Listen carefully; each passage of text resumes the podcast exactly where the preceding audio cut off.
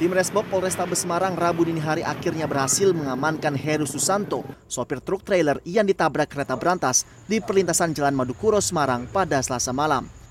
Kepada polisi, pria 43 tahun warga Kendal Jawa Tengah ini mengaku kabur karena bingung dan panik saat melihat kerasnya tabrakan kereta dan truk memicu ledakan disertai kobaran api yang diduganya menimbulkan banyak korban jiwa.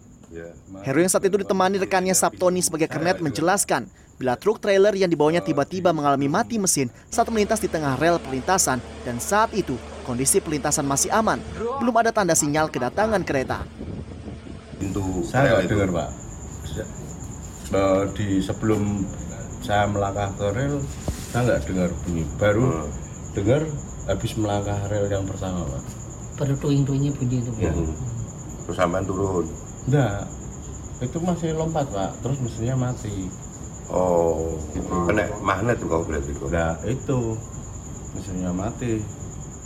Karena saya tak suruh turun, Hmm. minta mana gimana lah minta di Syarat. Hmm. isyarat Suruh menghentikan, menghentikan. Ah, ah. Memperlambat. Memperlambat lah ya.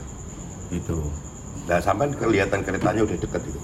Saya berusaha masih berusaha di dalam mobil. Keretanya udah dekat tau. Lampunya saya masih lihat. Hmm. Saya turun. Saya sempet gini-gini pak. Ke kereta. Iya. Petugasnya itu juga ada. Sebelum saya turun itu dia udah eh, lari ke barat. Gini-gini. Tapi udah Tabrakan kereta berantas jurusan Jakarta Blitar dengan truk trailer di perlintasan Jalan Madukuro Semarang menjadi perhatian banyak kalangan karena memunculkan ledakan dan kobaran api. Beruntung tidak ada korban jiwa dalam kecelakaan ini. Damar Sinuko, Semarang, Jawa Tengah.